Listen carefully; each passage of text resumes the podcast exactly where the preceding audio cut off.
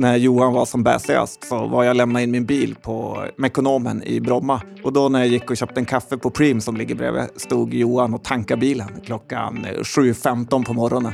Och så frågade jag, vad gör du där egentligen? Jag vill att bilen alltid ska vara fulltankad så att om det händer något så kan jag bara dra.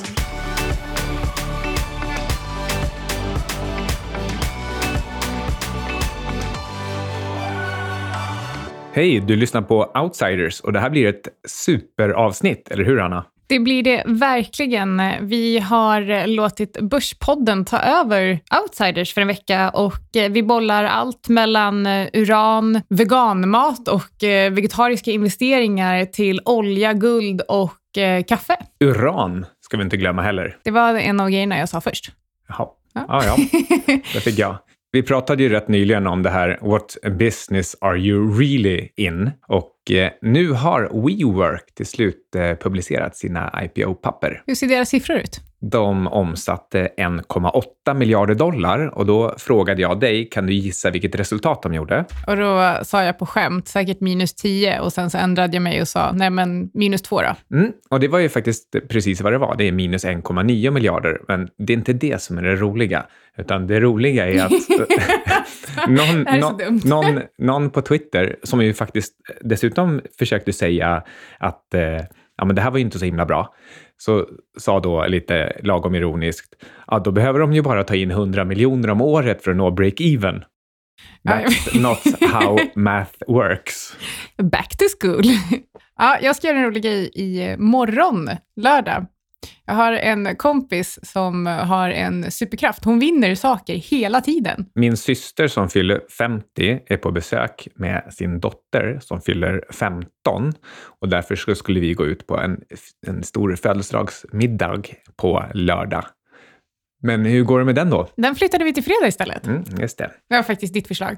Eh, nej, men min kompis då, som vinner saker hela tiden. Sen vi lärde känna varandra för knappt ett år sedan, nej det är typ ett halvår sedan, så har hon vunnit en PT-utbildning, hon har vunnit, eh, så att hon och jag gick hos en PT tillsammans.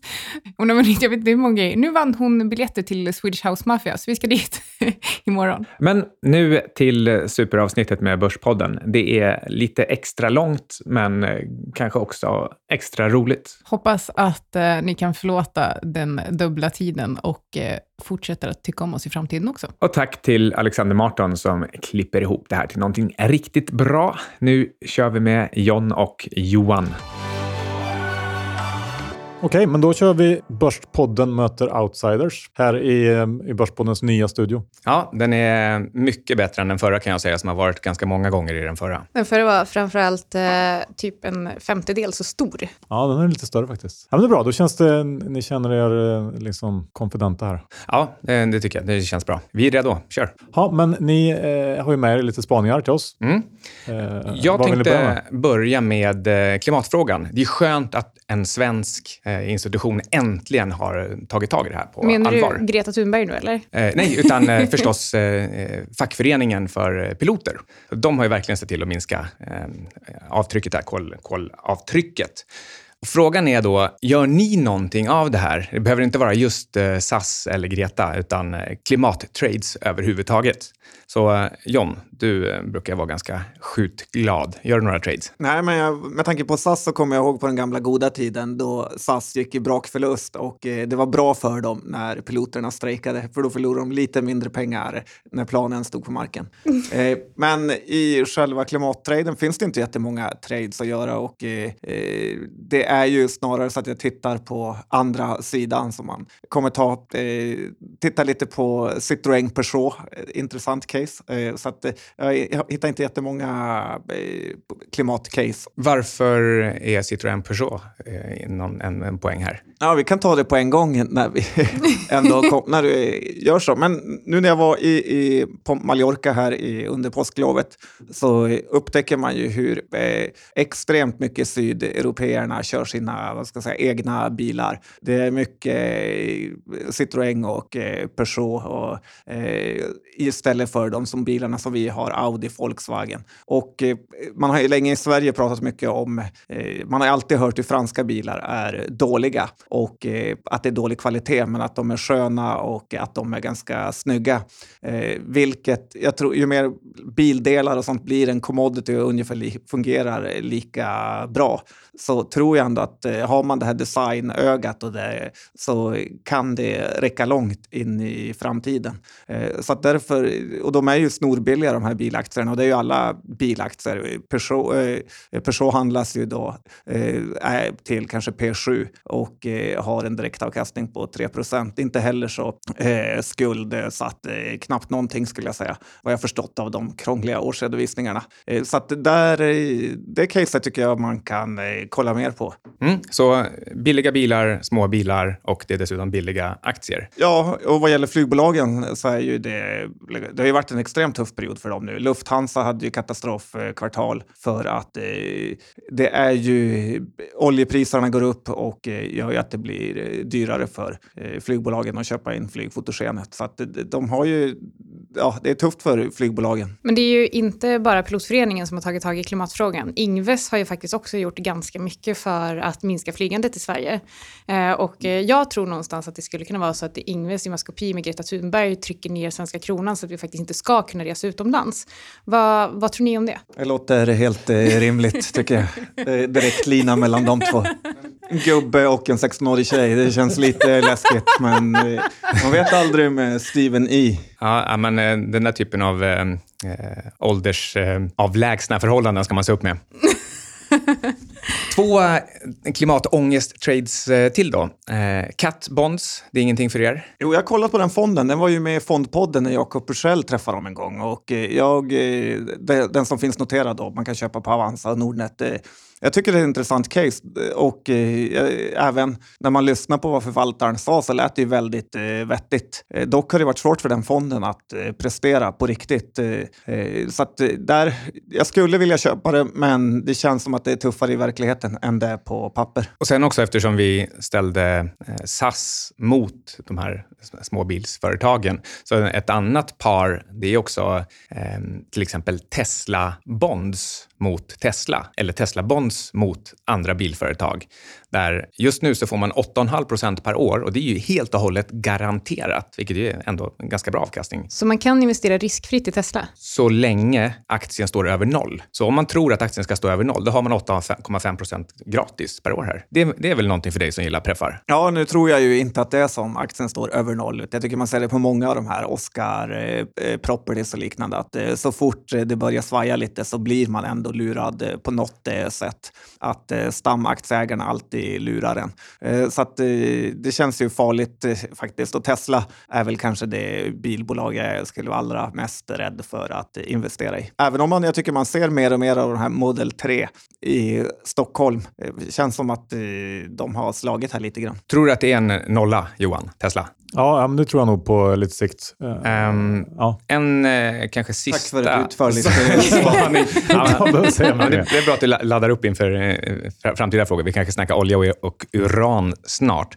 Men eh, det kanske är så, alltså det här med klimatet, ehm, det är mycket möjligt att det är så att det blir varmare. Det är också mycket möjligt att det är människan som gör det. Men det är också mycket möjligt att vi faktiskt inte kan hindra det. Men det kanske inte behöver vara dåligt heller. Alltså att det kan vara så att en rejäl klimatkris är precis vad människan behöver för att vi ska tuffa till oss lite. Och det gäller även investerare som men, behöver skakas om lite grann från det här som gäller nu, att man bara kan köpa Atlas Copco och, och rida med till, till himlen. Ja, men det är väl inte så dumt det. Kan du inte liksom utveckla lite tankegångarna? Ja, men, vad kommer att hända? Alltså så här, vi, I hundra år så har vi haft det oerhört bekvämt i, i världen. Saker och ting går bara uppåt och grejer blir mer och mer gratis och räntor går ner. Och, här, vi, vi har det bekvämt och bra. Så bekvämt och bra att vi bryr oss om det blåser lite oftare. Och när vi väl får ordentliga saker som händer, alltså att det verkligen blir stormar och översvämningar, då kan vi få en, en slags global samling, precis det som behövs för att vi, vi alla ska öka innovationskraften. Alltså nöd podden är uppfinningarnas moder och då kan vi få en riktig sån techboom. En, en techboom som inte bara är klicks och social media utan faktiskt eh, utvecklar någonting. Ja, men tittar man på såna här katastroffilmer så har vi ju inte haft eh, i närheten av en riktig eh, katastrof utan det är ju eh, bara små, jag vet, känns väl som eh, eh tsunamin eller jordbävningen i Japan är de värsta som vi har sett eh, på extremt eh, lång tid. Och eh, ja, om det kommer någon sån där eh, enormt eh, katastrof så kommer det då inte öka uppfinningsrikedomen utan det känns mer som att det kan bli en eh, kollaps av hela världen. För jag menar, när de här första jordbävningarna i Japan kom så var man ju ändå rädd. Pratades det mycket om att eh, jordplattorna var, kunde krocka igen och skulle då kunna göra en enormt mycket eh, större jordbävning i Tokyo och vilken katastrof det skulle vara. Och börsen var ju livrädd där några dagar. Eh, då japanska staten gick in och storköpte eh, aktier för att rädda eh, börsen lite grann. Så att eh, det kan ju komma enorma katastrofer som kan få otroliga skadeverkningar utan när man minst anar det. Det verkar som att det det är för lite. Det är för sällan och för lite. Så även om man nästan vet att Tokyo kommer ramla ner i en spricka förr eller senare och då kommer det vara en fantastisk trade för Skanska eh, som ska leverera cementen eller bygga eh, generellt så, eh, så är det, det är för långt till dess. Det måste hända oftare. Men en annan tanke här också, det är att om vi får många tsunamis, då sätter det också fart på dem som funderar över hur ska vi kunna bygga vallar mot det här? För det funkar inte att få en tsunami på hundra år som är enormt stor. Det, eh, då blir det bara att man reparerar efteråt. Ja, och lite är det väl kanske därför, nu pratar vi stora grejer som man inte vet någonting om egentligen, men liksom, lite är det väl därför det finns liv på jorden, för att det inte händer megakatastrofer hela tiden utan att eh, det är relativt lugnt eh, ställe att bo på i universum. Eh, så därför så kanske man inte behöver oroa sig för de här megakatastroferna. Och att tittar man på förändringarna så, så sker de ju över otroligt långa tidsperioder. jag menar, Sahara har varit fullväxt med skog och det har försvunnit och kommit tillbaka och det har varit istider. Men det är ju under miljontals år så att när vi då liksom refererar till korta perioder och det gäller även börs börsen med att man liksom mäter allt de senaste 200 åren när jorden har funnits i miljarder år. Det här med att man inte ska oroa sig för att något stort ska hända, jag känner bara att det kanske är lite famous last words. Det här var det sista avsnittet som någonsin sändes av Outsiders och Börspodden. Ja, så kan det vara, men det är inte, vi är väl inte, alla traders är väl inte den oroliga typen, utan det, eh, man får se vad som händer. Jag brukar tänka på det rätt ofta faktiskt, att eh, för kanske ett och ett halvt år sedan när Johan var som bäsigast så var jag lämnade in min bil på Mekonomen i Bromma. Och då när jag gick och köpte en kaffe på Preem som ligger bredvid stod Johan och tankade bilen klockan 7.15 på morgonen. Och så frågade jag, vad gör du där egentligen? Jag vill att bilen alltid ska vara fulltankad så att om det händer något så kan jag bara dra. Jag tyckte ändå eh, var, det gjorde Dr. Bass skäl för namnet. Faktiskt, välförtjänt.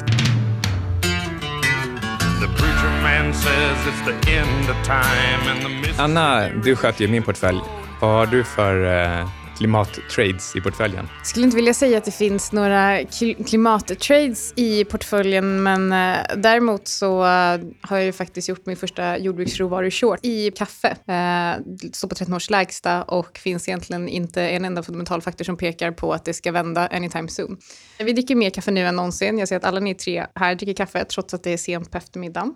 Se om Micke kan sova ikväll. Alltså jag gör det ju bara för att det var så synd om John. Han har gjort massa fint kaffe här. Och så, ja, men jag tänker, en, jag, jag får uh, försaka sömnen. Ja, snällt, snällt av dig. Uh, men som sagt, det är lägst pris på 13 år och inte så himla mycket talar om för att det ska vända i närtid. Och uh, det är minus 24 procent bara de senaste 12 månaderna. Tittar ni någonting på råvaror, alltså jordbruksråvaror? Nej, den gör väl inte Varjon. Jag tror inte du gör det och jag gör det inte. Och varför inte? Nej, men det är kul att följa, men det är så otroligt eh, svårt att eh, veta hur de ska gå. Man är lite sist på pucken, så att, eh, lite känner jag väl som dig där, Anna, att eh, följa trenden, även om den känns som att det är billigt, är nog ganska smart, för att det är väldigt eh, sällan som det är lätt att hitta toppen och botten i råvaror. Ja, och det känns kanske som att det är ett gäng liksom, golvhandlare i Chicago som eh, liksom kommer att veta vart det ska röra sig innan jag och John vet. Absolut. Vet ni vad kaffebönderna i Colombia gör istället nu, nu när, nu när det inte är längre lönsamt att odla kaffe? Faktiskt ingen koll på det, Nej. även om det, man kan tro det.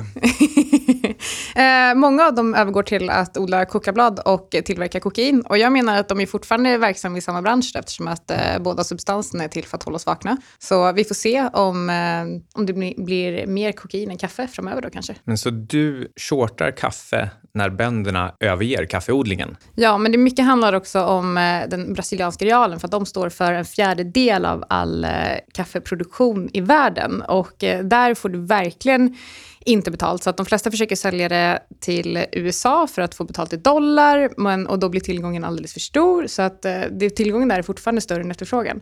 Så att det, det, det, är lite komplext kan man säga. Men ja, ja det är många som överger kaffe och eh, även jag. Lite just den där grejen med att eh, bönderna går från kaffe till att börja göra kokain. Det är en sån så grej som vi har svårt att alltid tro på, utan det är mer typ det fackförbunden säger för att eh, kunna pressa upp priserna. Eh, alltid lite skeptisk till sådana där, att man bara byter. jag tyckte det var roligt i alla fall. Men vad kan man göra liksom för sån här on the fly-spaning för, för kaffepriset? Hur, hur mycket har det gått ner och hur länge har det gått ner?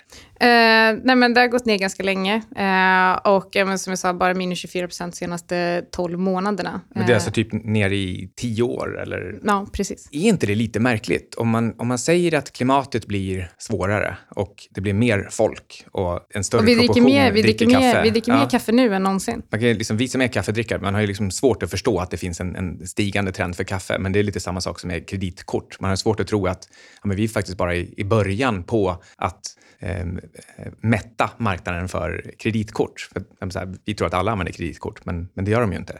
Um, men kaffe är, är, på samma sätt. Det är ju liksom fler som ska dricka kaffe. Hur kan det vara så att mindre odlingsbar mark och sämre väder inte leder till stigande priser på 10-20 år? John, har du någon, eh, någon idé? Nej, men jag tänker att det är bättre eh, effektivitet i jordbruket och att eh, det känns som att alla de här eh, jordbruksvarorna i princip går ner över lång sikt. Direkt är något som går upp ett tag så ställer odlarna om till att börja producera den. Vete till havre eller något om man får bättre betalt för det. Så att jag tror ju aldrig att man kommer se några sådana här enorma lyft i just de produkterna, alltså råvaruprodukter, utom på extremt kort sikt och kortsiktiga bubblor. Då låter det ju nästan som att, i alla fall på jordbruksvarusidan, så är det ingen klimatkris. Det blir ingen heller. Vi, vi blir så pass mycket bättre. Alltså teknologin ligger före klimathotet. Men vad jag kan förstå så är det ju varmare och bättre klimat, desto mer kommer det växa. Det, jag läste någonstans att eh, i Europa eh, börjar växa mycket mer träd här senaste tiden för att det blir några grader varmare. Och dessutom, ju mer koldioxid det finns i luften, det är ju vad liksom plantorna äter. Så att eh, det kommer ju växa bättre ju mer koldioxid vi har. Eh, så att det, det, är inte alltid lätt att bara mäta rakt av. Nej, det är inte där problemet ligger. Problemet ligger kanske i de här öarna som, som hamnar under vattenytan. Men en annan jordbruksråvara som det går desto sämre för, det är, eller desto bättre kanske man skulle säga, det beror lite på från vilket perspektiv man vill se det, det är egentligen gris. För nu dör en tredjedel av alla grisar i Kina på grund av svininfluensan från Afrika. Eh, och eh, om man ska bara dra det lite next level så tror jag att om man tittar på sojabönor som har haft, eh, varit lite av ett poster child för problemen och handelskriget mellan eh, USA och Kina så tror jag att det kommer bli fortsatt ganska tufft för att eh, sojabönor används ju framförallt i Kina för att utfodra grisarna och om en tredjedel av alla grisar, jag tror det var 130 miljoner stycken, som dör så kommer det också gå åt lite färre sojabönor. Så jag tror att sojabönor kanske kortsiktigt inte heller är en superbra idé just nu men däremot så tror jag på att investera i eh, ja, men grismage, alltså gris, fläsk och eh, men boskap generellt. Jag sa till Johan här idag på lunchen att jag funderar mer och mer på att äta mindre kött för att det är ju så mycket av det köttet man äter är så dåligt, liksom falukorv och köttfärssås. kan man lika gärna äta halloumi eller soja eller något. Men det är väl så. ingen som äter falukorv idag längre? Eh, bara två gånger i veckan, men inte mer än så. Jag vet inte vad Johan säger. Nej, men det är något sånt. Ni har ju inte barn så att det är liksom fel målgrupp kanske. Jag prövade en eh, vegansk falukorv någon gång. Oh, precis när jag var på väg att övergå till att, att sluta äta kött. Alltså det var riktigt, riktigt vidrigt. Det var som en, eh, en packad eh, mjöllimpa. Det är mjöl med vatten som du bara har liksom tryckt ihop. Det var riktigt, riktigt vidrigt. Jag tror det var första och enda gången som jag verkligen liksom slängde allt. Alltså mer än 90 procent av vad jag hade på tallriken. Du lät inte ens mig ge det till hundarna för du trodde att de skulle dö. Det är ju också lite därför man är, eller jag inte gillar de här bolagen som typ eh, Scandi Standard och liknande. Att eh, jag tror ju långsiktigt så är de ju i en eh, negativ trend med att folk går bort från kött och kyckling och allt vad det är för att ja, ta andra alternativ. Och det är ju också eh, ungefär liknande som du sa det med att 130 miljoner dör i eh, svininfluensan, alltså grisar. Att eh, då, Scandi Standard har ju samma problem med att det hela tiden kommer något, eh, någon eh, heter det, bird flu eller liknande och eh, raderar ut hela årets eh, vinst. Eh, så den typen av bolag som dels har strukturellt negativ trend men även så här, kortsiktiga engångskostnader som kan, tror jag man ska hålla sig borta från. Vi har ju inte jättemånga sådana bolag i Sverige, men i USA finns det ju flera, ännu mer, som håller på med liksom, grisar och liknande. Men om man nu vill investera i, att, i, i någon typ av eh, omvärldstro att eh, fler och fler blir veganer och vegetarianer, vilken typ av bolag ska man investera i då? Om man då inte ska investera i Scandi Standard såklart, eftersom att de håller på med kyckling. Men eh, annars då, vad har ni för vegan-case för de som lyssnar? Ja, det är sånt vi pratar mycket om. Men, eh, det finns ju en del, det, det är svårt att investera i de här, men, men eh, i USA, USA eh, läste jag om eh, ett bolag som många liksom, kändisar har investerat i. Jag tror Bill Gates bland annat och lite andra folk som gör liksom någon slags substitut till kött för att göra hamburgare. Jag kommer inte Just ihåg det, veganburgaren Det är inte Ja, den exakt. The Impossible Burger? Det något sånt kanske. Det, den typen av bolag tycker jag är ganska eller produkter känns ganska intressanta som kan liksom faktiskt snart närma sig någonting som liknar gott kött på riktigt. Och då tror jag väldigt många skulle välja att hoppa över om, om man kan få fram produkter som, och det kommer man ju få förr eller senare. Så att det är mer åt det hållet. Men då blir det ju något slags liksom mer eh, techaktigt och saker som kanske är svårt att komma åt för gemene man på börsen. Men om man tittar på råvaror, om vi, om vi säger att, eh, att eh, om en tredjedel av grisarna dör i Kina nu och det kortsiktigt skulle kunna vara bra för köttpriset, tänk om det inte är det. Tänk om det här istället leder till att fler och fler går över till vegetarisk kost för att man ser någon typ av risk i att faktiskt äta kött förutom den här klimatpåverkan som, eh, som man pratar ofta om. Tror ni att det här skulle kunna leda till att, eh, det skulle, att man skulle kunna se en eh, kortsiktig uppstuds i till exempel sojabönor ändå för att folk äter det istället? Ja, självklart. Jag kommer ihåg när den här, vad heter det, ko, ko, Galna galna, sjukan. kosjukan, ja. Då var det ju många som var rädda för att köpa kött. Och vi kommer även ihåg det här med ICA när de paketerar om köttfärs. eh, Så det, det är ju ändå lite sådär små slibbigt med olika köttbitar. Så kan man undvika det eller få en liten push eh, framåt eh, så tror jag ju att det kan definitivt öka efterfrågan på alternativ. Men jag tycker också att man ska komma ihåg att det här är ju inget, som, inget man ska göra att man blir negativ till typ McDonalds eller den typen av kedjor. Nej, de För har ju de kommer ju nästan tjäna på att slippa... Mycket högre marginaler dessutom. Ja, och slippa hålla på med eh, köttet som är liksom en av dem. Ja, det ska vara fryst och det ska vara... Utan det är jättebra för dem att eh, eh, man kan servera annat och som du säger, högre marginaler. Och, och säkert längre hållbarhet också på produkterna. Ja, och folk vill ju, kommer alltid behöva äta on the go. Eh, om inte alla bara ska sitta och handla via internet. Men du kan även handla, till och med McDonalds till, med Uber i Bromma här. Så att det eh, jag tror inte att de kedjorna ska man vara rädd för bara för att de säljer kött nu. Men vad händer i framtiden då? Säg att eh, köttkonsumtionen minskar med, eh, vi kan dra till med 90 procent de kommande tio åren, det tror jag inte, men, eh, men låt, oss, låt oss låtsas. Vad tror ni skulle hända med bolag som till exempel IK Axfood? Tror ni att, ehm, tror ni att det blir någon typ av skillnad på den, på den typen av bolag? Jag tror att hon skulle vara överlyckliga över det just för hur jobbigt det är att hantera charken, hur jobbigt det är att ha köttansvaret för det, hur kort eh, utgångsdatum det är på den här typen av produkter. Det skulle vara mycket skönare för dem att bara trycka ner eh, en eh, halloumiburgare i frysen i två år och sen, och sen kan man plocka fram den. Och så får man, får man dessutom helt nya produkter som folk inte har någon sån här förankring i vilka priser det ska vara på, utan då kan man dra till lite extra. Ja, kanske. Ja. Å andra sidan så brukar marknaden vara ganska snabb med att liksom justera ut sånt där. Det finns något som heter och internet och så. Those internet geniuses, that's what they do. I'm ruined.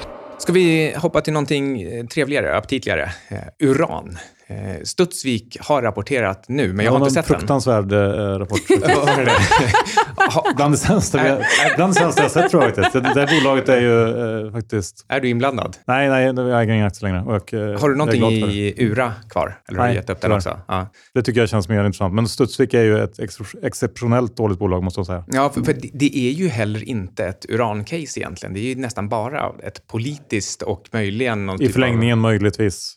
Liksom, men ja, nej. Uppenbarligen så har du ändå sett eh, Studsvik, så du har något litet öga åt uranhållet. Letar du efter en botten? Men jag kikar lite grann, eh, absolut. Eh, Och det har jag gjort i några år. Jag ägde ju Ura ETFen i eh, ett antal år. Men jag sålde nog den i höstas här tror jag. Och det var ju kanske framförallt för att de ändrade mm, indexet som ETFen baserades på så att det blev massa verkstadsbolag också som inte hade så mycket koppling till uran. Så att det var egentligen mer liksom, stora anledningen. De var väl säkert tvungna för att ingen ville ha det där indexet längre. Ja, det är möjligt. Så att eh, över hälften av innehaven var ju liksom japanska liksom, verkstadsbolag typ. Han, eh, du vet eh, Marin Katusa, som är en sån eh, råvaruanalytiker. Han, han är känd för att han eh, verkligen eh, punktmarkerar varenda gruva i olika industrier, både guld och uran och sådär.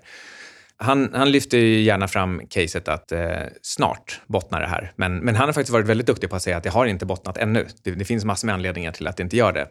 Till exempel det här med eh, att det finns ett överskottslager och man kan återanvända saker. Men, eh, men nu börjar han ändå prata om att han, eh, han, eh, han ser att det kan nog vara så att du, du når botten 2019. Att då till slut har man kommit till, eh, till rätta med de här obalanserna. Vad ligger spotpriset nu på? Eller spot spot, men 25. Eh, så den, den tog en, en rejäl sista, vi kan kalla det för det, nosedive här i, eh, i våras, från 29 till 25. Så eh, där kanske man skulle redan där dragit öronen åt sig för, eh, för Studsvik. Men, men både spotpriset och Studsvik, de ser ut som att de försöker bottna lite grann. För nu vet jag inte vad den gjorde nyss då. jag var väl ner 9 procent tror jag. Ah, Okej. I alla fall initialt. Jag, jag vet inte vart Ja. den... Ja, men då, då, är den väl, då är den väl liksom neråt eh, botten som den satte i höstas. Typ. Så, och den, den har väl konsoliderat hela senaste året och det har i princip uranpriset också gjort så att man har fått ett, ett liksom mellanår. Men eh, uran har i alla fall potential att vara också en sån här klimattrade. Absolut. Mm. Jag tycker ju mer och mer man, eh, att det våras lite för eh, kärnkraften. Till och med i Sverige här börjar man ju fundera på man, eh, Tittar man på de här översvämningarna i Brasilien så inser man ju faran även med eh, vattenkraft. Att eh, det är ju enorma problem de här konstgjorda dammarna eh, kommer med när de eh, svämmar över och liksom vilka skador det kan ställa till med. Eh, dock känns det så att eh, både folket och politikerna är ju för eh, svaga för kärnkraft. Att det räcker med en liten, liten olycka eh, så vill man lägga ner allting till oerhörda kostnader. Och eftersom det är så enorma kostnader att bygga ett kärnkraftverk på hundratals miljarder så kan du ju liksom inte bara lägga ner det efter tre år eller något för att, du, att man har bytt eh, ledare i, som eh, politikerna. Och jag tycker i Sverige har gjort ett stort misstag här genom att lägga ner så många eh, kärnkraftverk som nästan är helt funktionsdugliga. Eh, just för att efter den här Fukushima-skandalen med ytterligare säkerhetskrav, eh, då är det ju helt otroligt att just Sverige skulle drabbas av en tsunami och göra, få samma problem som Fukushima hade. Ja, jag undrar om inte risken är större när man monterar ner någonting som är, bara har gått halva livslängden än, än att låta det köra klart. Och det här med förnyelsebara energikällor, vi behöver saker som olja och uran fortfarande. Vi är fortfarande i den här mellanperioden då världen växer och det går för långsamt med de där andra. Ja, så är det. Och eh, det är ju kul, men det är bra att testa lite olika alternativ tycker jag. Här, förutom då vågkraft, om vi får prata min gäst och ett av mina eh, hatbolag. Men eh, vi ser ju att de här Evolus och Arise går ju bra på börsen. Och, men det är återigen en sån här gång, man ska köpa bolaget som säljer hackarna och spaderna och inte inte de som bygger den här själva, alltså äger vindkraftverken. För det är ju eh, så otroligt eh, lätt att man eh, börjar bygga när elen är dyr och då bygger alla andra. Och sen när man är klar med sitt så eh, finns det liksom inga pengar att tjäna. Dessutom är det så med vindkraftverk att när det väl har gått 5-10 år så har det kommit så många nya effektiva vindkraftverk ute på marknaden att det, det just du byggde för 10 år sedan genererar väldigt eh, lite el jämfört med de nya och på så sätt blir blir din investering eh, dålig. Eh, Jag tittade lite på Evolus eh, vindkraftverk, om man kan köpa. De, man brukar kunna köpa sådana, en sextondel ett sånt. Som ett bolag. Det är lite kul idé, men det är inte någon jättefin avkastning. kan man lika gärna köpa en preff eller något. Sen så, ja, så eh, har jag inget mer att säga. Har du kollat någonting på eh, Aselio och Ripasso? Nej. Lät som att du kände för att såga dem, men vi hoppar... Vi Får inte, hoppar... kan inte Aselio eh, vet det, få räknas som en klimatinvestering i portföljen i alla fall? Jo, det tycker jag. Det är absolut Faktiskt. världens bästa bolag, kanske. Det kan bli. Men vi ger inga rekommendationer Nej. alls. I recommend you to not listen to my recommendations. Olja då? Ja, finns det någon olja i någon av era portföljer? Nej, ingenting. Nej. Tittar inte ens liksom på dem, Tetis och sådär. Olja S. Nej, jag har lite... um, nej, jag tycker det är svårt med oljebolag faktiskt. Um, Jag träffade en kille som jobbar på TTS på ett bröllop här och eh, han var väldigt eh, positiv så att, eh, till hur det gick för bolaget. Ja, Vi det- var efter ett par järn kan vi säga, men eh, eh, ja, känns ändå som ett stabilt bolag. Johan brukar alltid dra någon anekdot från sin gamla analytiker tidigare. men jag, jag, det- jag var på en, en kapitalmarknadsdag som Tetis anordnade utanför Köpenhamn en gång för länge sedan. Eh, då hade de inte riktigt hittat de här grejerna i Omanen. Eh, och då gjorde, de genomförde borrningar eh, utanför Köpenhamn, i någon by där, någon mil utanför. Och eh, vdn var ju väldigt förhoppningsfull till att det skulle finnas olja där och gick runt och liksom tog upp nävar med grus och lukta och sa att det var liksom, ah, det luktar olja här. Liksom. Det fanns ju såklart ingen olja utanför Köpenhamn. Jock Ewing. Eh, Så att jag kanske har lite någon slags liksom färgad åsikt kring det där bolaget. Eh, Men eh, ja, men annars, alltså oljepriset ser ju märkligt ut. För det, tekniken går framåt hela tiden vad gäller skifferolja. Och eh, ekonomin... Ja, nu, nu hade vi ett starkt kvartal här, lite här och där, och, men väldigt mycket engångsfaktorer. Och annars så ser ju faktiskt den, potentialen för de flesta ekonomierna ser rätt svag ut. Vi har redan alla i sysselsättning och räntorna är eh, så låga de kan bli på något sätt. Och, och oljan är upp eh, 50 procent från botten. Så, eh, och, och tittar man på Tetis då istället, så ytligt sett så har de väldigt låga multiplar. Jag kan ju inte redovisningen på dem, jag bara drog fram någonting från Avanza. Nu ser de superintressanta ut.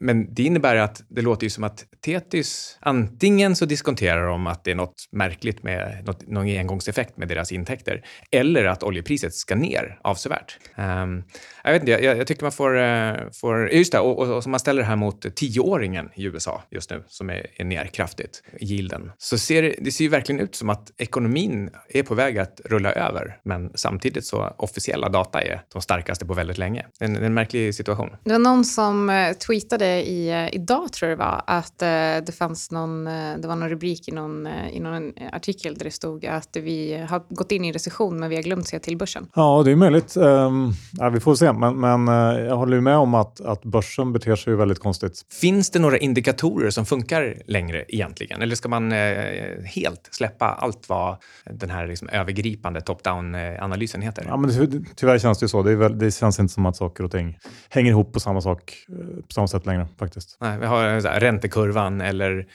junk bond yields. Liksom, så fort man får en stark signal så, vi, så bara vänder det. Ja, det, så har det varit. Och det har väl varit ofta att i de flesta fall centralbanker eh, som har gått in och stimulerat vid första liksom, minsta tecken på, på att någonting håller på att liksom, rulla över. Men det, där- det brukar ju vara tecken då på att eh, min spaning ofta det är att börsen går upp eller ner i en trend oavsett, oavsett vad man får för data egentligen. Därför att det är likviditet som är på väg att eh, skvalpa från ena hörnet av marknaden till, till ett annat annat hörn. Och då kan man sitta där och tycka att ah, men nu kommer det ju, här kommer svag data, svag data, svag data.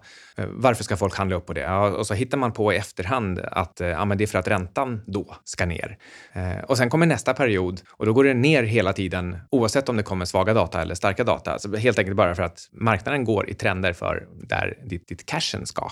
Men det är lite svårt att, att avgöra var den där cashen ska någonstans. Hur, eh, hur hanterar, jag menar, du har ju varit rätt, rätt bäsad rätt länge. Hur, hur har du hanterat det här med mer psykologiskt? Inte så bra.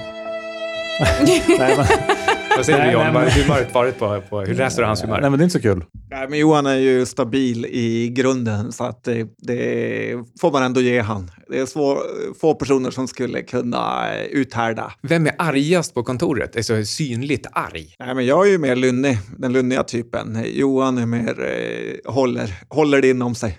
Det är inte bra. Johan, det där är inte bra. Du kan få cancer. Ja, vi får se. Nej, men det är frustrerande med en sån här marknad som vi har haft så fruktansvärt länge nu också. Um, så att uh, det enda man får göra är väl att liksom, uh, försöka inte uh, hålla emot lite grann och, inte gå emot för mycket för att det, det är liksom lönlöst på något sätt. Det är bättre att göra någon slags men köpa bitcoin eller gå i guld, alltså försöka hitta några andra vägar att spela sin marknadstro än att försöka korta just börsen för det. Vad gör du i krypto nu? Jag är ju lång lite bitcoin och sen så har jag gjort onoterade investeringar. Va, vad är din eh, horisont för bitcoin-innehavet? Alltså jag har, det, det, handlar ju lite fram och tillbaka, här, men jag tror ju, jag tror ju på bitcoin på lång sikt. På, på liksom att det, det kommer att gå upp väldigt mycket tror jag. Det kommer ju en sån här eh, halvering, eh, ja, belöningshalvering nästa, i maj tror jag. Alltså nästa maj. Nästa år, ja. Mm. Det var någon som kunde sånt här som, eh, för jag råkade nämligen säga fel i, i, i, I vårt avsnitt. Ja, ja precis. Och, och, trodde att det var maj i år. Men, men eh, så var det någon eh, som kan de här sakerna som dels rättade mig, men också sa då att och därmed så är du rätt ute i din timing att köpa nu, för det brukar vara ett år innan halveringarna som det händer saker på mining-sidan och då börjar priserna dra. Och nu, de har ju faktiskt eh, dragit nu.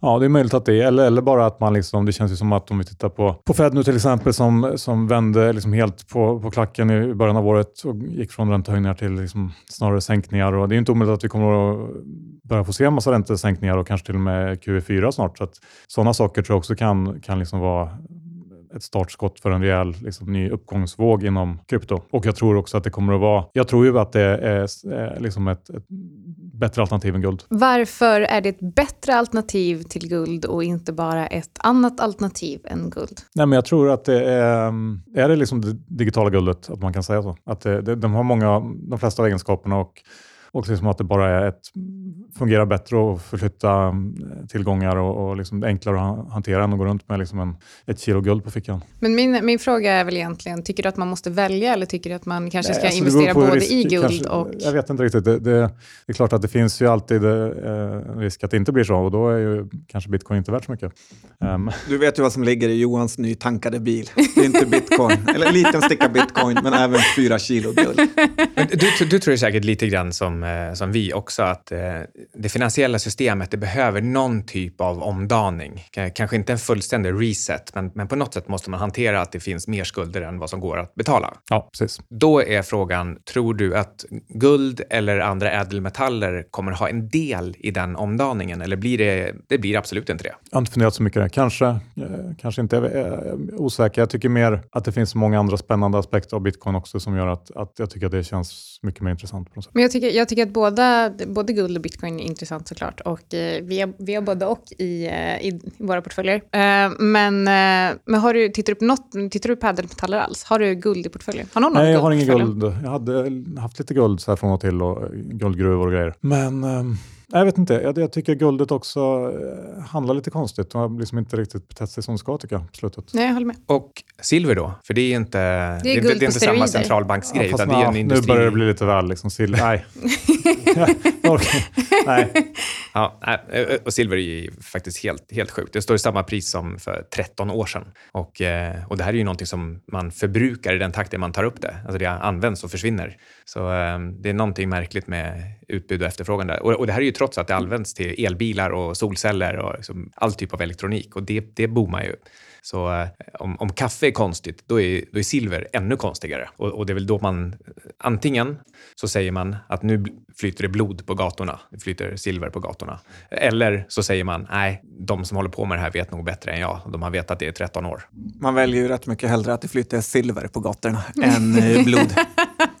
Ja, men jag tänkte en sak när vi pratar om blankningar och korta börsen. Ett problem med just den här ekonomin är ju att om du blankar börsen och aktier så får, får man tillbaka då? Jo, då får man ju pengar. Och det är pengar du egentligen inte vill ha för du, liksom, om man tror på fiat, att det är fiatvalutor och skräp, då får du ju det och sen säljer du kanske en fastighet eller ett bolag som fungerar. Så det är ett problem och på så sätt kan man ju gilla eh, både guld och eh, bitcoin eh, bättre faktiskt. Men om vi ändå är inne på fiat, ska vi prata lite om eh, seken eller blir ni alldeles för ledsna då? Nej, men det kan vi göra. Vi har ju både varit eh, utomlands nyligen här så att vi har kanske några input. Och jag åker ju till eh, Italien och sen till USA direkt efter det om eh, en och en halv vecka. Så att eh, för mig känns det som att jag Jag vet inte, jag bara hoppas att det ska ske ett slags mirakel. Men eh, jag misstänker att det så inte blir fallet och att det blir eh, dyrare än vad man hade hoppats på. När jag åker utomlands då räknar jag alltid med att valutan är gånger 10 eller delat med 10, lite beroende på åt vilket håll jag åker.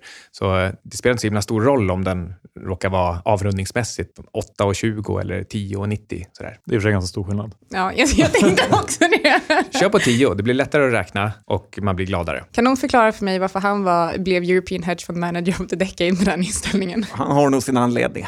Nej, men jag, ibland tänker jag att det är lite first level att bara bäsa Ingves som är liksom alla gör nu. För jag menar, det är lite två olika sätt att sköta en ekonomi. Eh, Det är inte så att jag såg att någon tyckte att det var förfärligt att 1960 kostade en eh, schweizerfranc, var det en mot en mot eh, seken och nu är det en mot nio typ. Och det är inte så att om du åker utomlands att en öl i, på Mallorca kostar eh, 350 kronor. Utan den kostar liksom 25 kronor medan köper du en öl på Arlanda kostar den 107. så att eh, det är ju bara så att liksom, vi har ju drivit upp vår inflation som vi ändå har trots, att ingen liksom, eh, ser det. Eh, så att det är ju, jag tycker mer att det är två olika sätt att sköta en ekonomi än att man bara behöver tro att Ingves har gjort allt tokfel. Sen för det ju andra grejer med sig att liksom, de kapitaltjänare har fördelar här. Men ja, inte bäsa Ingves för hårt här, är min nya strategi. Okej, men eh, du, du sa det här med eh, att eh, vi ändå har haft ganska hög inflation i Sverige fast det inte syns. Eftersom att Ingves någonstans försöker, sig klamra försöker klamra sig fast vid det här inflationsmålet som man hela tiden påstår att vi inte uppnår, är inte det då att göra någon typ av misstag? Att inte titta på, eh, titta på rätt priser och hur de utvecklar sig? Ja, jag vet inte exakt eh, vad hans agenda är, men... eh, Jag det, undrar också. Det känns ju ändå som att Sverige har lyckats väldigt bra på eh, många sätt och att det är liksom bara gå ut och tycka för att vår valuta har sjunkit. Men jag menar, om alla har fått mer kronor jämfört med de som får euro eller dollar så spelar spelar i grund och botten ingen roll. Och, eh, så att det, det, där, det är ju inte jätte, jättedyrt utomlands. Eh, det är ju kanske dyrt med fastigheter och sånt, men det är det här med. Ja, och dessutom, det är ju jättelätt att hedga mot vad Ingves gör. Så det spelar ju faktiskt ingen roll. Det är ju bara att man köper dollar eller eurotillgångar. Så, så fort man anade att Ingves ska göra det här så hedgar man. Det är precis samma sak som att om man anar att penningtryckande skulle ge stigande börser och, och en omfördelning till kapitalister, då är det bara att köpa aktier. Så vi har ju alla kunnat liksom, ja, men, eh, hedga oss helt enkelt mot, mot vad han sysslar med. Så, eh, så, så det kanske inte gör så mycket, det där med valutan. Däremot eh, nu, innan vi får de eventuella dåliga effekterna, så kanske man ändå kan säga att minusränta, det låter lite märkligt. Antingen så är det ju genialiskt, lite så som när de hade 500 procents ränta. Eh, eller så är det ganska dumt och ett, ett onödigt experiment så här efter några tusen år med, med pengar. Ja, verkligen. Eh, Så eh, kan man ju tycka, men liksom, det fungerar ju det med. Det var ju ingen som trodde att det skulle gå. Men jag vet inte, Ingves, jag börjar gilla honom. Ja, men Det är jag, det sjukaste jag har hört. jag, vet inte, jag tycker ändå på något sätt, det finns, ju- alltså, ekonomi är ju, är ju ingen vetenskap eh, som kanske liksom, biologi eller kemi eller fysik och liknande. Det finns ju inte eh, några naturlagar. Men det finns ju ändå, det här med ränta tycker jag ändå är det närmsta någon slags naturlag man kan komma inom ekonomi. Att det är något slags logiskt i att om du planterar ett träd och liksom väntar ett år så blir trädet liksom ett år större ett år senare. Och det är liksom, ränta har ju, är ju samma grej på något sätt. Och att man då ska, liksom, att den ska, man ska vända på det. Det är ju någonting extremt konstigt med hela det resonemanget som förstör eh, nej, men alla typer av tänk kring liksom, priser och signaler och, och jag vet inte vad. Det är någonting som är, är genuint fel med det kan jag tycka. Spontant sådär. Precis, plus att det finns en aspekt till och det är att om det finns ytterligare en sak som ligger lite närmare naturlagar än andra så är det tillgång och efterfrågan och själva idén om en marknad, att man frivilligt kommer överens om, om ett pris. Så till exempel så kan du och jag komma överens om vad priset är för att jag ska få låna pengar av dig ett år. Vi kan ta det efteråt. Eh, det har inte gått så bra på sistone. Och att det då ska komma in någon tredje person som kan skapa oändligt mycket av en tillgång och bara bestämma bestämma priset, då har man förryckt väldigt mycket av det som eh, ja, men vi ändå alla pratar om när vi pratar om marknader. Ja, ja men absolut. Tror ni att det hade varit eh, ett bättre alternativ att avskaffa alla centralbanker och låta eh, vanliga banker sätta, ja, men, konkurrera om räntan istället? Konkurrera om priset på pengar? Men lite är det ju så redan att den här 0,25 negativa räntan, är det något man någonsin ser? Det är ingen som har negativ ränta i bolån. Eller det är ju, du betalar ju ränta på allt. Så att, jag tycker inte att de här riktiga effekterna av vad reporäntan är riktigt syns i samhället, förutom att den är låg, men du betalar ju fortfarande ränta. Och ja, det behövs väl någon som står bakom euron eller kronan. Så att, ja, jag vet inte hur man skulle avskaffa både, det. Men... Både euron och kronan är ju fantastiskt bra exempel på bra valutor. Men eh, har vi något mer egentligen? Nej, jag Nej, vet men, inte. eh, Om vi ska avsluta på något sätt när det, och liksom binda ihop den med räntan och, och börsen och, och att vara negativ till den. Det som lockar ändå är ju ändå att ja, man har haft min negativ ränta i massa år och liksom börsen är väldigt högt värderad och tillväxten finns inte riktigt där och så vidare. Det, det, det känns ju som att det borde ju inte krävas så mycket heller för ett ganska rejält börsfall. Jag menar liksom bara en liten, liten förändring på nedsidan i, i lönsamhet och tillväxt och så vidare bör ju rimligtvis resultera i, i väldigt mycket lägre börskurser också. Eh, det är ju liksom nedsidan av att eh, hela den här vägen upp, att, att liksom man värderar upp börsen för varje år som går med, med låg ränta känns det som.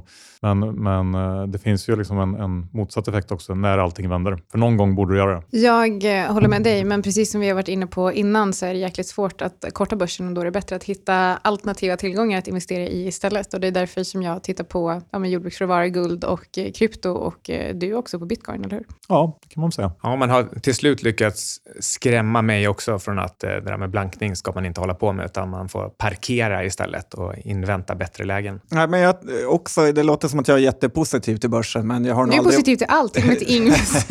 Men, men eh, kom du ihåg när du och jag var med i EFN här i november? Ja. Och eh, då börsen hade gått ner mycket. Så då sa ju jag och du, ja, vi var väldigt positiva till börsen, att den skulle gå upp eh, 15 procent eller något i årsskiftet. Och vi blev lite hånade sådär på eh, sociala medier. Men nu har det ju kommit ett rejält uppställ som har liksom passerat eh, det där med råge. Och eh, nu känner jag tvärtom, att visst, jag kanske är lite tidigt ute, men det är ändå helt orimligt att börsen fortsätter upp 0,4-0,8 varje dag. Att liksom, eh, börsen kommer ju gått upp 200 procent när det här året är slut, om det fortsätter så här. Och det tror jag inte. Eh, för att även om konjunkturen skulle vara bra och fortsätta eh, bra uppåt, så kommer ju börsbolagen att stöta på problem i, med högre räntor, högre material, råvarukostnader och högre arbetskraftkostnader. Så att lite känner jag att börsen har tagit ut allt, både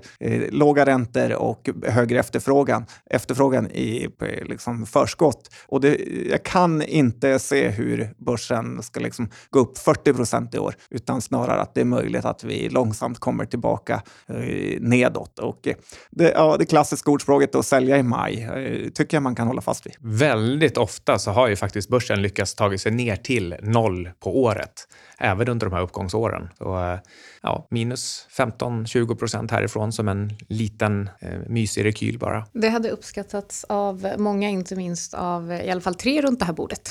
Nej, men det är ju tufft med börsen och det är ju både på uppsidan och nedsidan, men det är det som gör det kul. Men eh, det kanske var allt för, eh, för den här gången och Börspodden Takeover av eh, Outsiders. Outsiders. The preacher man says it's the end of time, and the Mississippi River, she's a going dry.